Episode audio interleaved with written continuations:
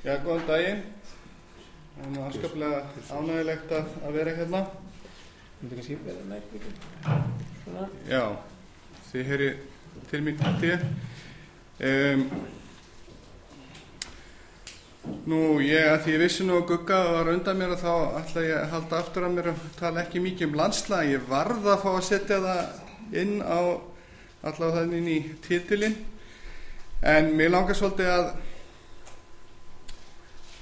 svona aðeins að kannski horfa tilbaka eins og Robert nefndi að þá er svona ákveðin nostalgía hjá okkur hérna, mér honum á skóla og þessi fundur okkar sem að nota benni fóru fram í sumabústanum á Þingvöllum sem að þeir bræður fjörskettan átti að þeir voru náttúrulega mjög örlega ríki fyrir mig um, en sem sagt mér langar örlítið að bara varpa frá svolítið persónum og huglegingum um árleið Páls svolítið við um skilningi. En síðan að, að mynda mér bara í svona kannski spurningu þessa þings hva, hvaða merkingu umhverju siðfræðin hefur fyrir, fyrir hérna, samfélagið. Og nefna þar tvö dæmi uh, þar sem að fræðimenn hafa haft raunverulega áhrif annar, ja, kannski báðir óavitandi þegar gerða annar í jákvæða skilningi og hinn í svolítið svona kannski blendnari skilningi. Og svo reyna að ræða eins í lokinu að draga þetta saman um, um hérna að ræða um bóðskiptalegður og, og samskipti. En kannski það sem að leitaði svona mest á huga minn þegar ég var að semja þetta og þessi, þetta er þetta fór í gegnum marga kortsteipur og, og er allt öðruvísi núna í dag heldur en það var átt ára uppalega en það eru þessar spurningar sem ég held að ég hefi örgulega fengið frá Páli. Eh, svo, hvaða máli skipta vísind og fræði fyrir samfélagið? Og svo kannski hinn hliðin á þeim sama peningi. Hvað eiga fræði minn að gera þegar engi vil taka markamanni en aðeins varðandi Pál að uh, kannski í nótskurs fyrir mér þá opnaði Pál alveg ótrúlega marga dyr. Hann opnaði dyr fyrir mér sem, sem ungum fræðimanni. Hann opnaði, hann er ekki aðeins fadir íslenska skólans í náttúruheimsbyggi sem við nú heilt mörg og dæmum í dag. Eh, hann var líka má segja eh, sá sem kom fótum undir umhverjushugvist á Íslandi og opnaði þannig líka dyr fyrir fólki í öðrum greinum sagfræði, bókundafræði og, og fleiri greinum. Eh, Páll var þetta leiðbyrnandi minn í dóttorsnaminu þar undan var hann yfirmaður minn og samstagsmaður hann var vinnu minn. Um, og hann kendi mér gríðarlega margt en oft á þess að vera að kenna mér heldur bara með fyrirmynd. Og svo ég gleymiði ekki þá verði að deila einu sem er svona kannski kjarnin hérna einhver staðar lengst aftur í því sem ég ætla að reyna að segja að eitt af því sem að eins og kannski verðmætast að leksja sem ég lærða Páli var þegar hann fekk mig með sér á einhverju ráðstefnu. Og ég var þá til til að nýbyrjar að vinna með honum. Mann ekki eins og hvort ég var byrjar í doktorsnáminu. Og þetta var ráðstefnu um hverju smál og ég var meðrindi og það var einhver undan mér sem að mér fannst að eiginlega bara gekk fram að mér. Þannig að ég brást við með því að koma upp í pontu og sládra þessum manni. Bara. Og, og ég man að ég kom svo til Páls allan að fá hrós klappa kollin og þá horfði hann að mér svona halgjörðin sorgar augum og sagði þú lést hann gabbaði til þess að verða ómannefnilegur þetta hefur setið í mér í já, rúmlega 20 ár.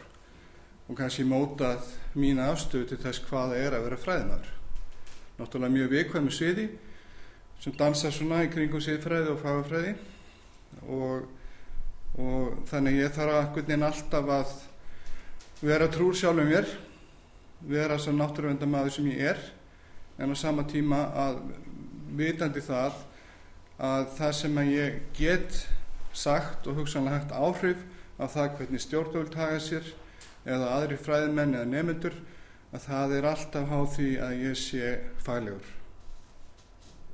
Og þetta getur óbáslega heftandi. Að því maður þarf alltaf að vera svo góður. Meðan að henni geta gert hvað sem er. Þau geta eitt rosalegum peningum og, og, og keft sjómars bara sjómarstöðvar þess vegna eða vilja en við þurfum alltaf að vera góður eða góð. En um, þetta hins vegar náttúrulega er eitt af því mörgu verðmætu sem að Páll uh, skildi eftir innan í mér. Nú uh, einhver leiti eru raunir upp nýju tímar í öslískum umhverfismálum og þetta sjáum við kannski sérstaklega í nýjum lögum um náttúruvend sem að voru samþygt og komið til framkvæmda þetta var nómi 2016 eftir tölvöld miklar fæðingar hýðir ef ég má nota þá orð. Og þetta var, tók langan tíma að undirbúa þetta. Um, þetta var allavega 6-7 ára ferli. En við fengum ný náttúruvendarlög sem voru í raun og veru ný ekki bara staðbæktar útgáfur af, af eldstu náttúruvendarlögum Íslands og við höfum landskipala stefnu uh, ný lögum velferð dýra við höfum lögum rammaáallun sem fekk líka nýtt nafn áallun um vend og orkunýtingu náttúrunar við höfum hugsanlega euróskan landslagssamningin búin að býða eftir um svolítið lengi. Og síðast engi síst þá hillir vonandi undir einhvers konar umhverfis ákvæði í nýri stjórnarskrá og ég ætla sérstaklega að nefna hérna náttúrundalögin og þá ekki síst kvítbókina sem að svona undanfari hennar kannski öllitið minnast á ramáallun en líka tala svolítið um stjórnarskrána. Og kvítbókin mikið ritt þarna var kallað saman sérfræðingahópur dæmum það þegar að sérfræðingar akademikarar og reyndafulltrúar sérfræðingar frá fagstofnunum eru kallaðir falið svo ábyrð að, að hjálpa til við að endur skoða í þessu tilfelli lögjöfum um náttúruvend á Íslandi frá grunni. Nú það var engin hugistamanniska held ég í þessari nefnd, þarna voru náttúrufræðingar og lögfræðingar. En þegar maður les þessa bók, sérstaklega þá sem sagt kaplan um grundvöld lögjafar um náttúruvend að þá fer að kveða við nýjan tón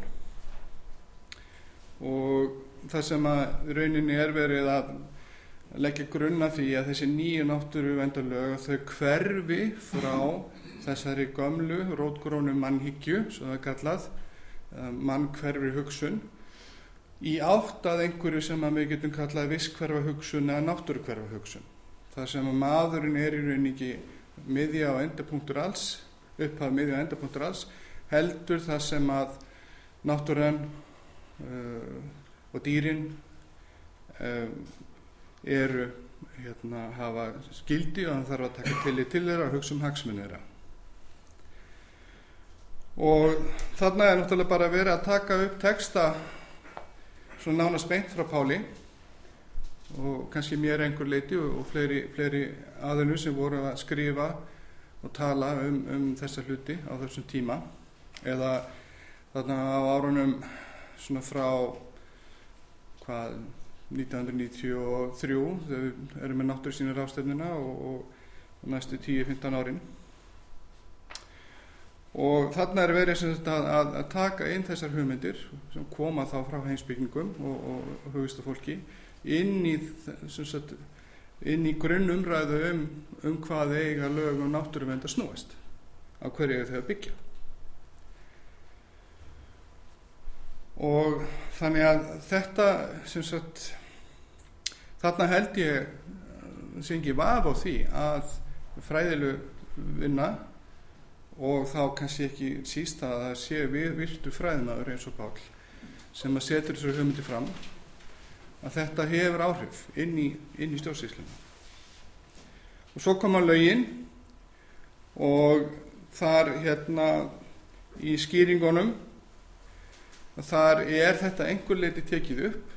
Það er ekki alveg jafn stert kannski vísa jafn stert í, í hugmyndir um eigigildi náttúrunar eða réttindi náttúrunar réttindi dýra. En þetta er samt þarna á bakvið og þannig dæmis í þessu skýringum við, við hérna uh, kapla 2 í þriða lagi má nefna hagsmenni náttúruna sjálfar þarna eru þessi, þessi náttúru kvæðu hugmyndir. Þær eru allt í önni fannar að, að koma inn í lögin. Og sem sagt líka þá þessi hugsun að viðhorf fólks breytast. Og ef að viðhorf almennings okkar breytast hljóta þá ekki lögin að þurfa að fylgja eftir. Þurfa þau ekki að endur spekla breytingar í viðhorfum um, gamlu náttúrundalögin voru afurð bændasamfélagsins. Þau voru afurð móðuharðendana eiga þau við á, á þessum tímum í dag.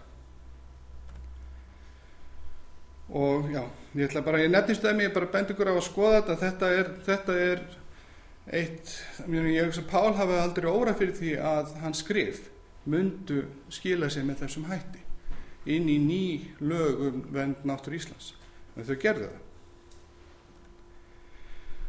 Nú síðan er það stjórnarskafan og ég ætla nú ekkert að rekja þá sögu en hérna í hérna tillögum eh, stjórnlega ráðs að þá er tillaga að umhverfis ákvæði sem var þá nýtt í íslensku stjórnarskrá en þekkist í einhverju mynd í stjórnarskrá margarna landa. Og hún hljóða þannig eh, þessi tillaga Náttúru Íslands er undistæða lífs í landinu. Öllum ber að virða hana og vernda. Og þarna er hverði svolítið stert á orði þarna er talað um það að grunnun þessari hugsun sé hugsun um rétt náttúrunar að náttúran hafi sjálfstæða rétt sem sé óháður okkur mönnum og þarna er líka talað um viðhórsbreytingar að hérna er náttúrunni veittur sjálfstæður réttur og vend til mót, mótvægis við gamlar mannmiðaðar hugmyndir um að fólk eigi rétt til náttúrunar og heyrðu nú, hvað er McAfee að koma hérna inn í þetta? Hvað, ég er bara, bara global það er einhver sam samsæri í gangi sko. Hmm, ekkert fá McAfee inn í þetta hmm. það er ekki eina auka mínútu henni Alexander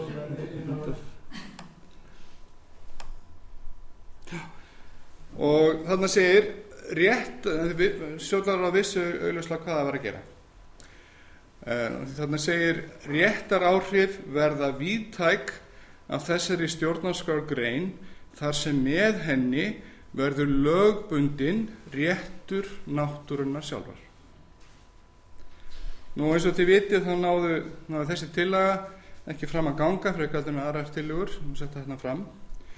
En vinnan við þróun íra stjórnarskar helt áfram og sem sagt í fyrra það var lagt fram frumvarp af hálfu ríkistjórnarinnar þávarendi þar sem að meðalans var að finna ákvæði um eða tilugað ákvæði um umhverfisvend og þetta náði heldur ekki fram að ganga en það var nú fyrir því ymsar ástöður en þarna er þó að sé ekki kannski hveði alveg efstert á vorði og í tilugum stjórnlegar ás þá er samt þessi sama kjarnar hugsun þannig að ferðinni. Og þessi tillaga þessari nýju greinum umhverfisvend að umhverfið þar segir náttúru Íslands er undirstaða lífs í landinu. Og í skýringum þarna að þarna er aftur á, sagt að á undarförnum áratugum hafa orðið mikla breytingar á viðhórum manna til náttúru umhverfisvendar ástæðu þess er ímsari meðal hans gera menn sér sífælt betur grein fyrir því að náttúrun er margslungi kerfi sem við heldur lífi og tryggir þróum þess. Af þeim sögum er æríkari áæsla lögð á heildarhugsun og virðingu fyrir því flokna samspili sem ásist staði viskjum jarðar. Í samræmi þetta hafa viðhorfum eigið gildi náttúrunar fengið auki vægi og svo framvegs eigið gildi náttúrunar réttur náttúrunar þetta eru orð sem að þessi Pál var hafði efasendur um hann var ekki kannski alveg fór ekki alveg notað önnur orð en auðvitað var hann alltaf að hugsa um gildi náttúrunar og þá merkingu sem að við öðlumst í samskiptum við hana. Og já, og þarna bara aftur meir um eigigildi náttúrunar og svo aðeins bara örstuðt um rammaáallun að þar í hérna skýringum á uh, svona undirleikjandi hugmyndafræði uh, rammaállunar að þar er vísað í Pál Skúlason. Og þar er þetta líka aðeins vísað í mig og mínar ansvotnir á umhverjusvitund og náttúru sín íslendinga. Þannig að þarna eru við fræðamennir að þarna hafa einhver áhrif. En núna ætla ég aðeins að skiptum gýr að því að þarna er verið að rifja upp vísa þarna í þessar ansvotnum sem ég var hlut af doktorsíkjani minni. Uh, árið 2007 það voru 2007 og þá var ég beðin um að halda erindi fyrir frjálsfélagsamtök sem héttu og heiti enn framtíðalandið þetta var fundunir í yðnó og ég var svona tiltöla nýbúið með doktorsvíkjana og eitt af því sem ég var að reyna að gera í doktorsvíkjani var að reyna að tengja saman náttúrsvíðfræði og umhverfisveinsbyggi við umhverfisfélagsfræði. Og mér sérstaklega það áherslu þá á gildi og gildismat. Hvort að maður segja svona ein til einföldunar að hvort að þessar háflegu hugmyndir um gild, eigi gildi náttúrunar og viss hverfa sín á, á náttúruna ættu sér einhver samhljóm bara hjá venjulegu fólki? Er þetta bara Aldó Leopold Arne Ness Pál Skúlason eitthvað að háflegar hugsanir? Eða eru þessar hugmyndir einhvern hátt út í samfélaginu? Og svona í stuttumálega þá var ímislegt í mínu rannsóknum sem að, sem að gaf tilhefni til að ætla að svo væri. Og en 2007 svolítið undarlegt ár. Ég held að ég sé búin að reyna að blokkara 2007, 2008, 2009 mann voða lítið frá þessum tíma. En það var þetta náttúrulega var þjóðin virtist vera einhverju svona áfallastreitur röskun eftir Gárin Hjúka og nú voru allir af opbóðslega grænir. Það hérna þess að sjá þess að skopmynd þetta Sigmund og það, það hérna, var ekki lengur bara vinstir grænir heldur voru komin í hægri grænir og blágrænir og maður veit hvað og þarna var þegar ég kom og held þess að tölur fyrir framtíðalandið sem að hétt grænu gildin og atkvæðin og ég svona revi upp hérna nokkar glærur. Og þá var mikið hérna sveifla á vinstri grænum voru að mælast með allt upp í 22-23% og uh, það, það, það leiti út fyrir að gæta orðið sögulega úslitt og þetta kannski var svolítið kvartning að, að svona þetta stjórnmálum hverju var svona jákvæðara heldur en að það veri mjög lengi til þess að reyna að hugsa svolítið öðru vísi og ég fór að velta fyrir mér þessu hugtæki græn stjórnmál hvað það getur nú verið. Hvort að það væri þá bara bundu við pólitíkina hvort það væri eitthvað meira. Hvort það væri hugafar, hvort það væri kerfisbeiting eða hvernig þetta væri. Og mér var svo sérstaklega að hugsa um líka sko umhverfismálin sko því Íslensk stjórnmál allavega fram að þeim tíma. Hefur náttúrulega verið opaslega bundin við það að þetta snýrist allt um hægri og vinstri. Þannig ég var svona veltaði fyrir mér getur verið að við séum að sjá nýjan svona öksul eða ás í íslensku stjórnmálum sem, að, sem eru tengd umhverfismál og það er þetta að hugsa sér græn stjórnmál á ymsanhátt og það er auðvitað að skipta græsvotarsamtök hugdag sem ég kýst að nota frekandunni frjásfélagsamtök skipta mjög miklu máli. Um, hugsanlega aktivismi en mentun líka og svo margt sem maður getur spilað inn í græn stjórnmál. En þessi græni veruleiki hann er líka mjög markvotinn það eru alls konar hugsanir í gangi það eru sagt, ekki bara náttúruvend skórækt eins og við nefnd hérna dýravend uh, landgæsla flera flera og að því að þetta er svona upp til hópa hugsunar fólk að þá vil oft verða svolítið áreistar oft að því að þessar hugsunni er ekki alveg 100% sam, samleið. Og spurningi mín var getur verið að, að eitthvað þessari misklíð milli fólk sem ætti að vera samherjar getur verið að það stafi af því að gildismatið er ólíkt.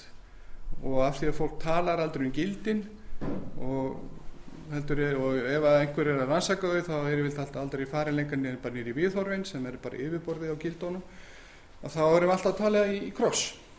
Og tölum aldrei um það sem skiptur okkur raunverulega máli sem eru grunngildin sem að keir okkur áfram koma frá hjartan eru það sem að drífur okkur áfram hvort sem að við erum náttúruvendasinnar langræslu fólk, skóræktasinnar berjumst gegn uh, nattrannu lofslagsbreytingum eða you, name it Heru, hvað er þetta? það er bara og eitt af því líka sem að ég var aðeins upptíkin að þessum tíma voru flokkadrættir þessu mikla flóra sem að marganhátt var jákvæð hjá græsótinni en, en svona að þeir gætu heldur ekki verið samstíga frekar heldur en við fræðamenninir og þannig að grunnspurningin var þessi eru til einhver græn gildi? Einhver gildi sem að allir umhverfis og náttúrvendarsinnar eru sammála um? Og ég náttúrulega þarf alltaf að taka fram að ég gæti ekki svara þessar spurningu en almennilega, en samt ég reyndi. Og aðeins varðandi þetta þessi vinstri hægri öksull sem að hafði verið og kannski er ennþá hérna, grunnstef í íslensku stjórnmálum virtist þarna 2007 botta fyrir því að það væri komið nýr ansið öflugur öksull sem væri þessi greinamönur grára og grætna svo ég notaði þá. Og við sáum hann að vinstri græna og hægri græna og spurningin var sem velti fyrir mig getur verið að einhver tímapunkti að þá fari þetta vinstri og hægri svolítið að hverfa út og í staðinu verðum við bara með mismunandi tóna á grænu og kannski endum svona. Nú framtíðalandið það var stutt í kostningar þegar, þegar þetta gerist og framtíðalandið sem græsrótarsamtök það hérna, ákvaða að nota þessa fræðilegu, fræðilegu hjólinga mínar sem að voru alls ekki setta fram í pólitísku samingi þannig séð þó að kýtlaði með auðvitað að fá að tala við, við fólk um það sem ég var að rannsaka. Og þau fóru að stað með ákveðna herrferð þar sem að meðal annars settur upp sáttmáli sem fólk gætt undirritað á heimasíðinni og þeir eru beindu þessu til allar alþykismanna að báðu þá um að buðu þeim að skrifa undir ekki. Og þetta laðist mjög mjög ísefla í fólk. Þeir sem að voru hérna, töldu sér vera græna voru mjög gladir en þeir sem voru ekki alveg tilbúinir kannski að koma fram fyrir skjöldu hvort sem var í gráir eða grænir að þeim fannst þetta að vera náttúrulega algjörlega til óþurftar. En þarna voru græsóttarsamtök að hafa auðvitað ákveðin áhrif á stjórnmála fyrir sem er mjög áhugavert og verður gaman að skoða tilbaka nú ætlum ég að reyna ef ég get að sína ykkur bara örstuð myndband. Það er einhver bara ein sekunda. Þetta sé hér. Já. Og framtíðlandi hérna, notaði líka svona nýstaflega kannski baráttaðaferir og reynda fleiri hérna, náttúrundarsamtöku á þessum tíma og setti frá sér stutt myndbönd. Hérna er eitt þeirra hljóð með þessu Já, þann það er. Það er stillingur á YouTube-ina. Er þetta ekki stilt, er ekki stilt við hljóðkerfis? Já, það var bara einn snúra sem að þetta var einn. Ok, prófum þetta aftur. Nei, það er allt annað.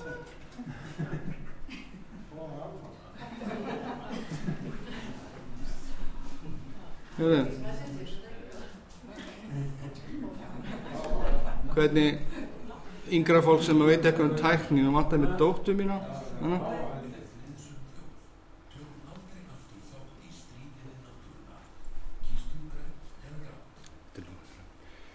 Nú, ok, nú lokum við þessu.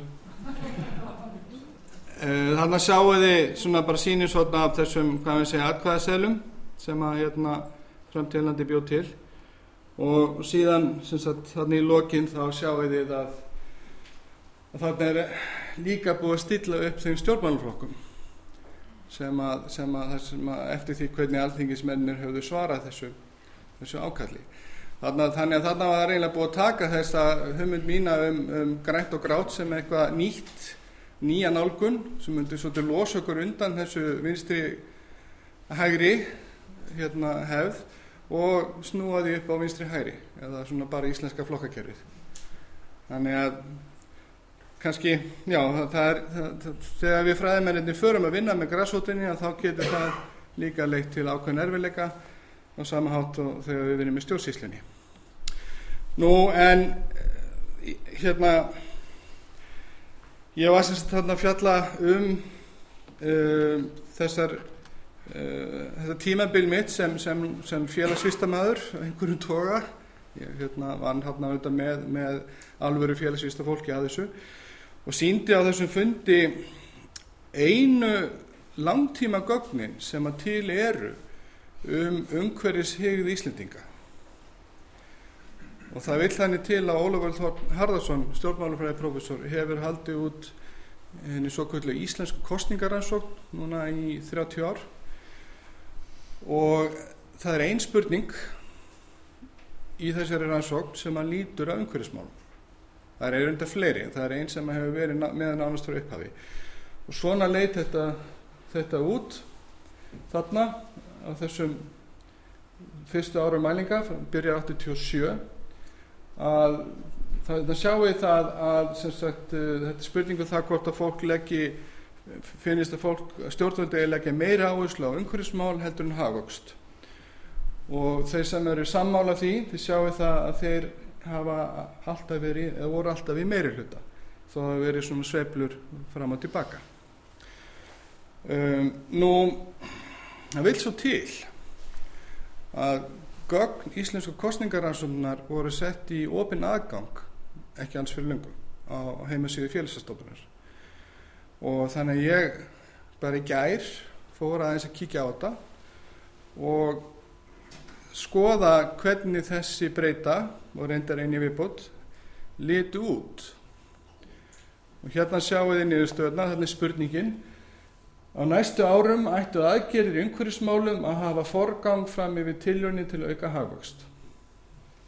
Og nýjastu gögnin eru frá 2016 það er ekki komin gögn frá síðustu kostningum og svona lítur þetta út.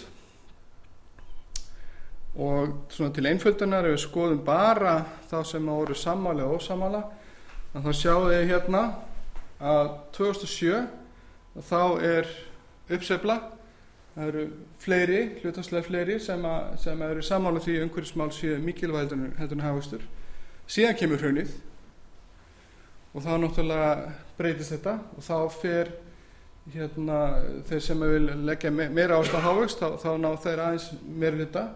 2013 er svona nokkuð jæmt að mununum en 2016 er komin meiri umhverfisbylgja heldur en nokkuð tíma síð áður. Og ég byrði ykkur svolítið að setja þetta í samengi við umræðina sem er á sér stað undanförnum ára og, og svona hvernig hérna ríkistjórnirna sem tóku við eftir hrunið hafa svolítið verið að tala Nú, önnur spurning sem ég vissi ekki eins og væri í þessari könnun fyrir henni gær, hún var það sagt, viðhorf almennings til stóriðstefnunar. Finnst þér að ríkistjónin ætti að leggja mikla, nokkra eða litla áherslu á orkufreka stórið? Svona er niðurstöðunar fyrir, fyrir það og aftur til einföldunar, þá lítur þetta svona út. Þess, þessi spurning kemur inn aðeins setna, hún kemur inn 1991 við sjáum það að sagt, 1995 eru sagt, heldur fleiri sem að, sem að telja að ég leggja mikla aðeins fleiri sem telja að stjórnur ég leggja mikla áherslu á stóriðu en síðan fyrir að skilja milli aftur 2007 græn bilgja 2009 þá dregur saman en samt ekki mjög mikið og nú svo 2013 ennþá meira og núna 2016 þá er einlega leitun af þeim Íslendingum sem að telja að stjórnvöldegi leggja mikla eða freka mikla áherslu stóri. en maður veltaði fyrir sér af hverju þessi gögn hafa aldrei komið fram ekki spyrja mig. Ég, það er ekki félagsstofnun að kenna. Þeir sendi mér 2016 kallin í tölvuposti í gær klukkan korti fyrir fimm. Þannig að þetta er þarna og það er ymslið fleira þarna. Og spurningin er endur speiklar sín stjórnvalda og nú undanskilji nú var þetta ríkistjórnar því hún er ekki búin að vera mjög lengi af völdum. En sem sagt ríkistjórnar þar áður og þar áður endur spekla þeirra stefna þeirra leiðsög til okkar þeirra sín á Íslands samfélagi endur speklar hún þetta? Vilja Íslands almennings eða skoðinir Íslands almennings? Nú grænbylgja vinstri hérna, grátt og grænt sem, sem einhver ný hérna, auksvöld í umhverfsmálum en eftir í síðustu kostningum þá var þetta það sem okkur var bóðið að greiða atkvæðum kannski ekkit opaslega mikið grænt hann í gangi fyrir utan svona usual suspects. Um, svona er líðræðið það er bara þannig. Um, en kannski annað dæmi um þessa grænu bylgu sem ég unstundu tala um það er það að svona upp á kárnjúkum að þá fara að byrtast skrýpamyndir í blöðum sem að eru um umhverjusmál og svona eftir svona smástund þá einlega fannst mér fatta það að þessi kannski skýrasta dæmi um að almenningu sé fara að taka umhverjusmál alvarlega þegar þessi er byrjað að gera grína þeim. Þessi ekki djúb hugsun spáðið samt í þetta. Og þannig ég ætla að sína ykkur svona smá sínisvotn af því hvernig umhverjusmálinn líta út með augum skopmyndategnara og auðvitað er mikil satir í gangi og sönd óvægið. En er þetta þjóðasálinn sem að tala til okkar í gegnum þessa tegnimyndir svona velti þessu fyrir ykkur.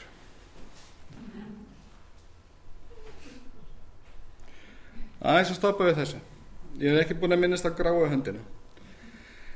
Uh, og ég veit í raun ekki hvað ég á segja um gráa höndina. Ég veit ekki hvort hún er til. En ég held að við þekkjum öll bláu, bláu höndina sem að uppalega kom fram eða það hugtak átti Hallgrímur Helgason og, og var mikið rætt um. Uh, náttúrulega tengd ákveðnum hagsmunna aðalum tengd ákveðnum stjórnmáluflokkum eða flokki. Uh, en stundum velti ég fyrir mér hvort að þess, þessi tregðulögmál sem ég finnst vera svo víða varðandi framþróun umhverfismála varðandi náttúruvend sérstaklega. Uh, þessi króniski fjárskortur uh, þjókarðana sem er verið í áratví um, það að ákveðin náttúrugæði eins og landslag og víðerni séu heimilislaus í kerfinu uh, hvaða eru lítil samskipti millir okkar í akademíunni og, og, og stjórnsíslunar uh, lítil samskipti millir okkar í akademíunni og grassóturinnar hvort að þetta sé einhvers konar syndróm hvort þetta sé byrtingamindir einhvers einhverju meinsendar og ég ætla svo sem ekkert að, að hérna að kannski fullæra mikið um það en uh, ég dætt niður á þetta í gær ég var svona að googla bláu höndina og googla hitt og þetta og þá hérna fann ég þetta. Umræður á alþingi sem að spunnust út af umælum þávarandi umhverfisráðara um uh, sérfræðinga sem að hafðu verið að vinna hérna í fagópa 1 í rammaállun og þarna er frétt í rúf þar sem að fósitt í vísindafélagsins er að hvetja ráðara til þess að byggja þessa fræði minn afsökunar og svo eru umræðið mynda í ræðustól. Og ég ætla að vísa hérna í einu umræðu. Ég hugsa að flest ykkar viti hver talar. En ég byrði ykkur og sérstaklega náttúrulega okkur sem að er í akadéminni aðeins að huglega þetta. Við vitum öll hvernig andrúslofti var hér í aðdraganda hruns. Við þekkjum öll þá umræðu sem framfór eftir hrun um sjálfsriðskoðun fræðimanna ég held að það skiptir nú miklu máli að við sem störfum hér á alþingi ræðum það hver afstæða okkar á að vera þegar við köllum til sérfræðinga og hvort við ætlum virkilega ekki að hlusta á þá og bera virðingu fyrir þeim sjónamiðum sem þeir setja fram byggð á gögnum og rannsóknum en ekki blanda þar inn í umræðum að viðkomandi sérfræðingu sé bara í pólitík. Ég treysti því að við viljum ekki skapa hér aftur andrúnsloft sjálfsvitskoðunar og þöggunar þar sem fólk kýst fremur að þeia en stíga fram, með sjónamið sem byggja á rannsóknum. Og þannig að ég reyndi að tekna upp mynd, ég hann alveg skýra á kottinum að þessu landslægi umhverfismála á Íslandi og þar, þetta er náttúrulega alveg skellinu mynd og ég ætla hann alls ekki þetta síninguna en hún er samt einhvern veginn þess átt að við erum með þessa svona kannski þrjá hérna, megin hérna, þætti.